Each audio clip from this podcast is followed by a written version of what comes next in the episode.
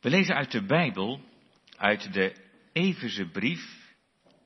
Daar ging het over in de voorbereiding. We lezen nu uit hoofdstuk 5, de versen 1 tot en met 14. Efeze 5 vanaf vers 1. We lezen daar Gods woord als volgt. Wees dan navolgers van God, als geliefde kinderen, en wandel in de liefde, zoals ook Christus ons heeft liefgehad en zichzelf voor ons heeft overgegeven als een offergave en slachtoffer tot een aangename geur voor God. Maar ontucht en alle onreinheid of hebzucht, laten die onder u beslist niet genoemd worden, zoals het de heiligen past. En evenmin oneerbaarheid, dwaze praat en lichtzinnige taal die onbehoorlijk zijn. Maar veel meer past dankzegging. Want dit moet u weten, dat geen enkele ontuchtpleger, onreine of hebzuchtige die een afgodendienaar is, een erfdeel heeft in het koninkrijk van Christus en van God. Laat niemand u misleiden met inhoudsloze woorden, want om deze dingen komt de toorn van God over de kinderen van de ongehoorzaamheid. Wees dan hun metgezellen niet. Want u was voorheen duisternis, maar nu bent u licht in de Heere. Wandel als kinderen van het licht. Want de vrucht van de geest bestaat in alle goedheid en rechtvaardigheid en waarheid. En beproef wat de Heere wel behagelijk is. En neem niet deel aan de onvruchtbare werken van de duisternis, maar ontmasker ze veel eer, want wat heimelijk door hen gedaan wordt is te schandelijk om zelfs maar te vertellen. Maar al deze dingen komen openbaar, als ze door het licht ontmaskerd worden, want al wat openbaar maakt is licht. Daarom zegt hij, ontwaak, u die slaapt, en sta op uit de doden, en Christus zal over u lichten. Tot zover. De tekst voor de preek is vooral vers 2. En wandel in de liefde, zoals ook Christus ons lief gehad heeft en zichzelf voor ons heeft overgegeven als een offergave en slachtoffer tot een aangename geur voor God.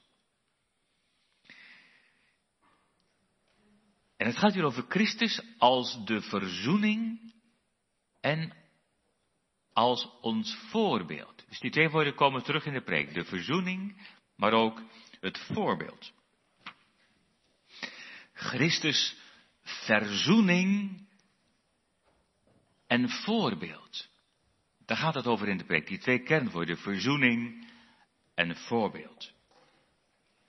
Gemeente rondom het heilige avondmaal zijn we soms zo bezig met onszelf, dat je eigenlijk alleen maar denkt aan de vraag, ben, ben ik wel waardig? En dat je misschien vraagt, wat, wat ervaar ik daar eigenlijk van? Vooral dat laatste. En daar kun je soms zo mee zitten dat je denkt, ervaar ik wel genoeg? Moet dat niet anders? Niet meer? Zou ik er meer van moeten kunnen vertellen? En, en dat kritisch kijken naar jezelf, dat is bijbels gezien wel belangrijk. Daar ging het natuurlijk ook over vorige week in de voorbereiding. Maar het gevaar is wel dat je eindeloos naar jezelf blijft kijken. En dat je dan als het ware in een negatieve cirkel steeds dieper in de put draait.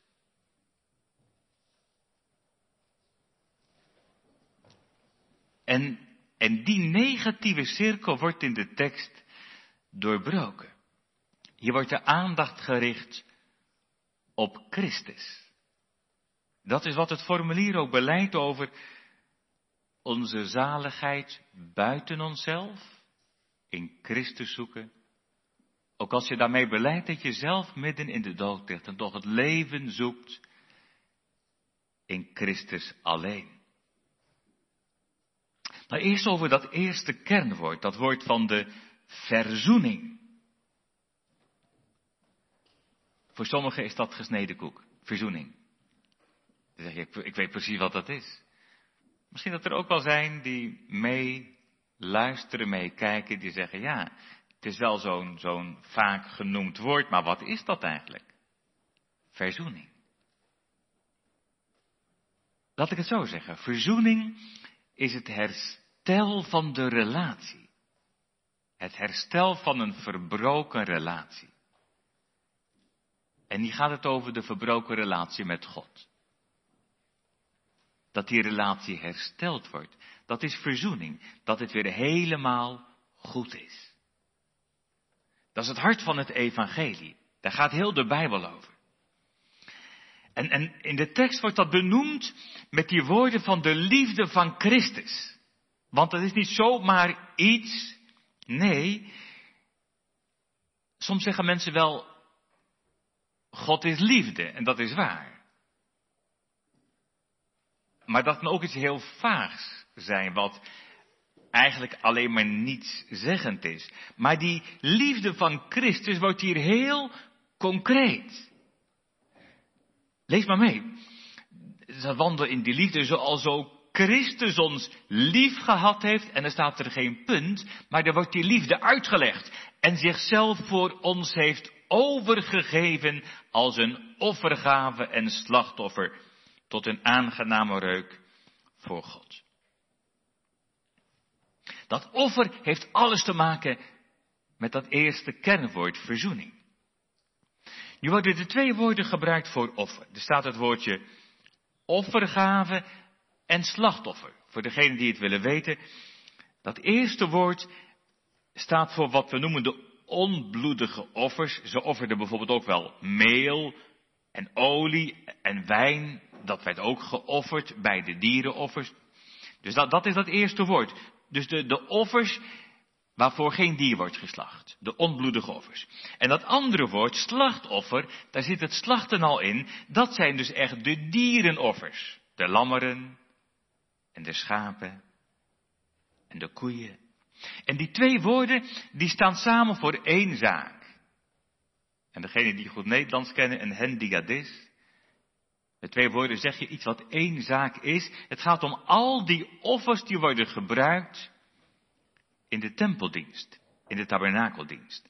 Al die offers die te maken hebben met de verzoening. Dat is weer het woord, de verzoening, met het herstel van de relatie. En op die manier laat de apostel Paulus zien dat al die offers die ooit zijn gebracht of nog gebracht kunnen worden, dat die vervuld worden in dat ene offer van Christus. Dus die liefde van Christus is niet zomaar vaag, nee, die wordt zichtbaar in het offer, in de verzoening. En daarom gaat het in het heilige avondmaal om Hem. Alle aandacht wordt geconcentreerd op Hem en op het offer dat Hij bracht. Het offer op die heuvel daar ginds, aan dat ruw houten kruis.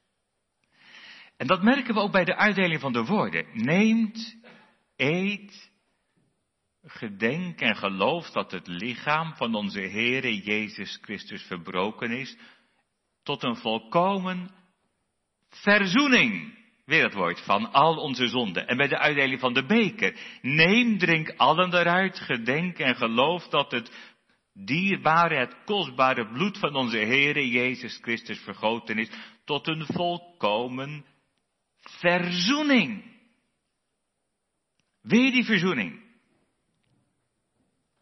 Dat lijkt me heel belangrijk.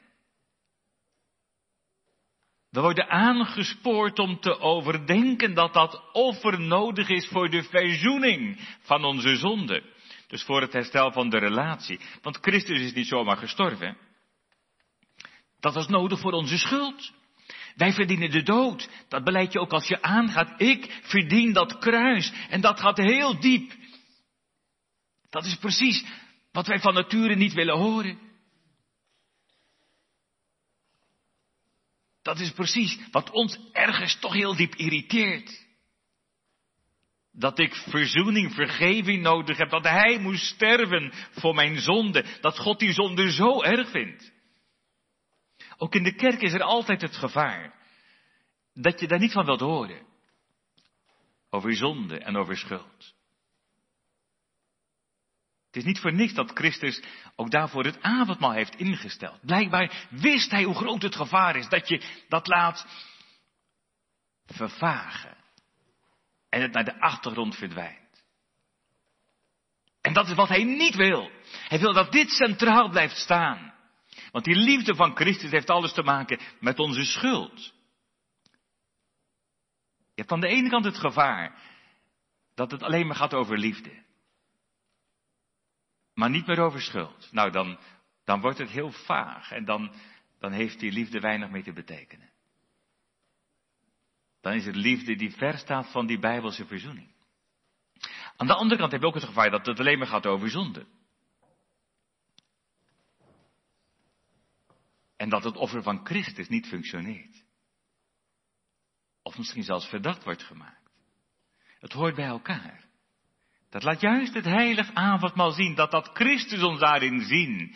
Het is zijn liefde in dat offer. Dat is het offer voor de verzoening, voor de zonde. En daarmee worden onze offers terzijde geschoven. Wij willen vaak wat aandragen, wat meenemen, iets laten zien. Dat we als het ware een bewijs geven, Heere God, ziet u wel dat ik toch niet zo erg ben als ik dacht. Valt toch nog een beetje mee met mij. Maar dat helpt allemaal niet. Al onze offers worden ons uit handen geslagen. Want er is niets wat we kunnen meebrengen om die relatie te herstellen. Dat is verootmoedigend. Ik kan niet aangaan alsof God zo blij met me is, alsof ik zo'n fantastische christen ben. Ik kom als een verloren zondaar, dus iedere keer weer. Die radicaal afhankelijk is van Christus, van zijn volbrachte werk, om te leven uit zijn verzoening. Niet het offer dat ik breng, niet de tranen die ik pleng kunnen redden. Gij alleen. En, en dat is iets wat levenslang zich verdiept, waar de geest werkt. En als je erover doordenkt, dat element van die verzoening, dat heeft dus te maken met onze schuld. Niet mijn offers, alleen zijn offer. Maar het spoort ons ook aan te overdenken hoeveel het hem gekost heeft. Het heeft hem tijd gekost. En als je druk bent, weet je hoe, hoe lastig het is tijd te maken. Nou, dat had de Heer Jezus kunnen zeggen, ik heb wel wat anders te doen. Het heeft hem tijd gekost, het heeft hem aandacht gekost. Maar jongens en meisjes, jullie weten wel meer. Want de Heer Jezus moest de hemel verlaten. En jongens en meisjes, denk daar eens over na. Wat heeft het Jezus gekost om dat offer te brengen? Wat heeft hij moeten opgeven toen hij bij zijn vader vandaan ging naar deze aarde? Wat heeft het hem gekost toen hij werd verraden door Judas? En die zat trouwens ook aan het avondmaal. Maar hij werd wel verraden door Judas. Wat heeft het hem gekost toen Peter hem verlogende? Wat heeft het hem gekost toen hij werd gegezeld? Wat heeft het hem gekost toen hij werd vastgespijkerd aan het kruis? Hij heeft zijn liefde bewezen met zijn bloed. Dat is die liefde waar het in de tekst over gaat. In die offers, in die verzoening. En bedenk dan ook eens hoe weinig wij dat verdienen. Want hij is ons niks verplicht. Hij heeft recht en reden om ons weg te sturen. Daar zou er nooit heilige avondmaal meer zijn.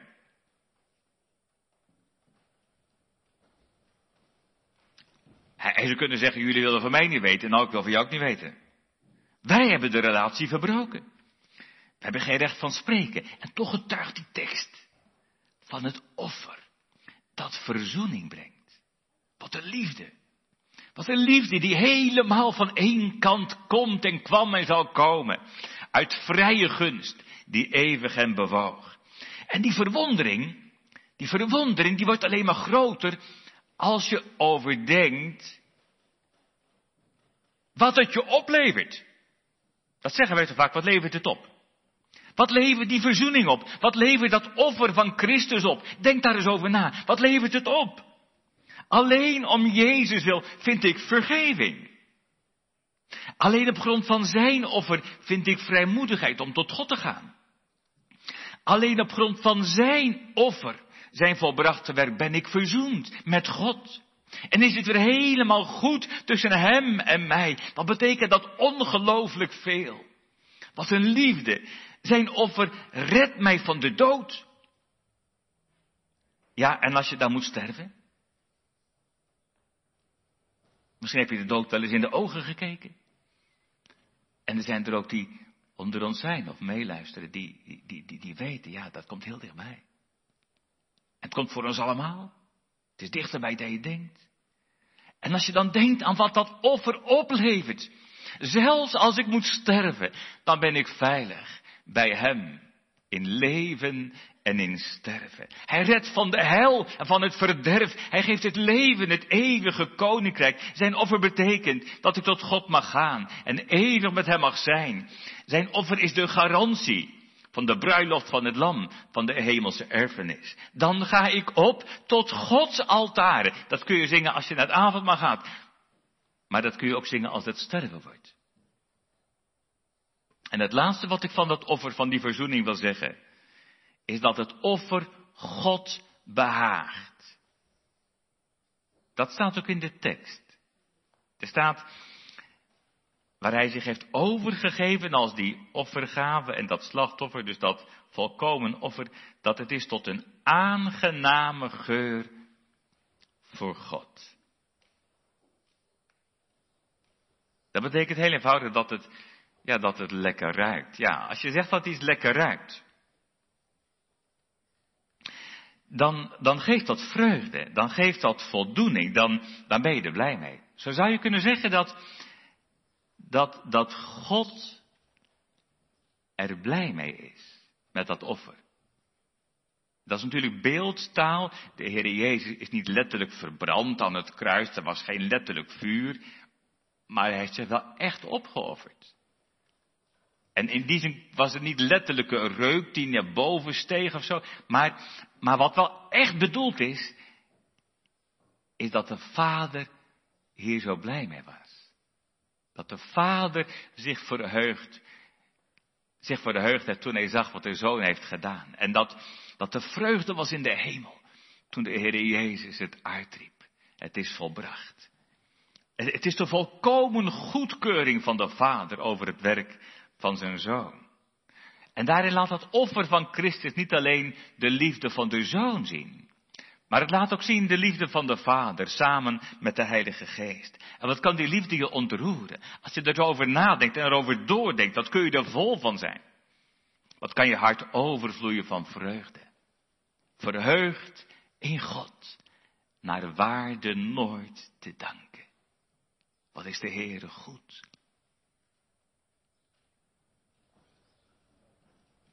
En daar zeg ik ook, wat ben je arm. Als je die liefde nog niet kent. Wat ben je arm. Als je daar nog niet om geeft. Wat ben je arm. Als je daar niet warm of koud van wordt. Als je God niet kent. Dan mis je alles dan ben je nog verloren. Dan ben je echt verloren. Dan geldt die uitnodiging voor het heilig avondmaal ook niet voor je.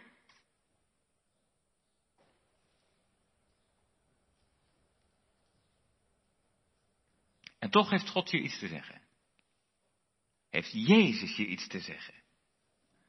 Zoek mij en je zult leven. Want hij laat zich vinden. Ook in deze tijd. De eindtijd. Om zijn liefde te leren kennen. Vraag hem maar eenvoudig, Heere Jezus, wees mij zondaar genadig. Dat is wat hij wil. Maar het wordt hoog tijd voor de tweede kenwoord, Christus als ons voorbeeld. Het gaat in vers 1 over het navolgen van God. Daar wordt een woord gebruikt dat ook te maken heeft met een voorbeeld navolgen. En dat wordt toegespitst op de liefde van Christus in het tweede vers. Er staat wandel in die liefde waarmee Christus ons heeft liefgehad. Het wandelen in zijn liefde, dat we zeggen het leven in die liefde. Dat laat meteen zien dat dat wandelen in die liefde meer is dan alleen maar het ervaren van die liefde. We willen dat wel graag ervaren en er is ook echt wel heel veel te ervaren, jazeker. Maar dat is niet het geheim. Dat is niet de kern van de zaak. Daar kunnen we ook te veel op gefocust zijn. Al zou je allerlei geestelijke ervaringen hebben. Al zou je prachtige woorden kunnen spreken. Maar de liefde ontbreekt. Dan zegt Paulus met mijn eigen woorden gezegd, dan kan het mij gestolen worden. Hij zegt, dan ben je een schallende symbaal. Of klinkend koper. Dan is het waardeloos. Het gaat hier over het volgen van het voorbeeld van Christus, juist in die opofferende liefde. En die woorden van navolging kunnen een misverstand oproepen zo van, nou moeten wij ook doen wat Jezus heeft gedaan. Maar dat wordt hier bedoeld, er is maar één offer voor de verzoening. Er is maar één die dat offer heeft gebracht en dat is Hij. Er is maar één offer dat verzoent met God. Maar, maar waar het om gaat is om, het, om, om te leven uit dat offer. Om te leven uit die verzoening. En als ik zo rondkijk en als ik denk aan de mensen thuis, de jongeren, de ouderen, dan, dan heeft iedere mens wel bepaalde voorbeelden. Dat kan zijn in je werk. Dat kan zijn met dingen die je graag wilt. Een hobby. Het kan zijn een voorbeeldfiguur in de familie. Het kan ook zijn met de sport. Of een zanger. Of een andere beroemdheid. Of, of een vlogger. Naar wiens advies je luistert en door wie je helemaal laat beïnvloeden. Iemand met heel veel volgelingen. Ja, denk daar eens over na. Wie is eigenlijk je voorbeeld?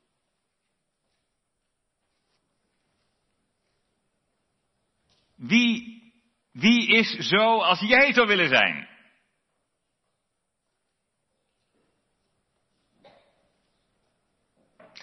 Want wie je voorbeeld is, laat zien wat je belangrijk vindt. Want zo wil je zijn. Je voorbeeld laat zien waar je hart naar uitgaat. Wie is je voorbeeld? En als het hierover gaat, dan is de Bijbel helder als glas.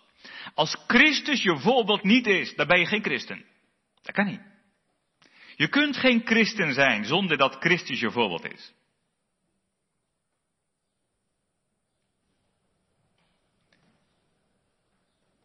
Het voorbeeld voor een christen is Christus. Dat je onder de indruk bent van Hem. En dat je wordt geïnspireerd door Hem. En, dat je wilt weten wat Hij zegt. En dat je wilt luisteren naar de adviezen die Hij geeft en de voorschriften. En dat je verwonderd bent over wie Hij is. En dat je denkt zoals Hij is, dat is het. Dat is wat ik wil. Zo wil ik zijn. O zoon, maak mij uw beeld gelijk. En, en zoals Hij heeft geleefd, zo zou ik willen leven.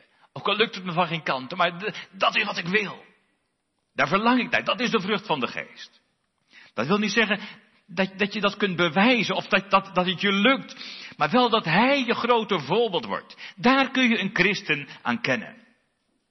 Leven uit de verzoening betekent dus ook het volgen van zijn voorbeeld. Dat is weer de tekst. Wandel in die liefde. Zoals ook Christus ons lief gehad heeft. Wandelen in de liefde. Dat is de eerste liefde tot Hem. We hebben Hem lief omdat Hij ons eerst heeft lief gehad. En waarom herken je de liefde? Hoe weet je nou dat er liefde is? Waar herken je de echte liefde aan? Dat noem ik weer met dat woordje verlangen. Denk ik aan die preek over het tiende gebod. Je herkent de echte liefde aan het verlangen. Omdat, omdat de liefde verlangt naar de ander. Dat is het werk van de Heilige Geest, die als het ware als een magneet in je hart werkt. En die trekt naar Jezus. Dat is precies waar het hier om gaat. Dat je verlangt naar Jezus. Wandelen in zijn liefde, dat wil zeggen dat je verlangt bij Hem te zijn. Dat je graag bij Hem wil ook, ook, ook deze avondmaalzondag, dat je verlangt met Hem aan zijn tafel te zitten. Dat is het werk van de Geest die je trekt naar Jezus. Om te wandelen in zijn liefde. En dat krijgt hier allerlei concrete uitwerkingen. Dat, dat wordt hier concreet in, in die Efeze brief in de strijd tegen alles wat Christus bedroeft en wat de Heilige Geest verdrietig maakt. Denk aan de voorbereidingspreek.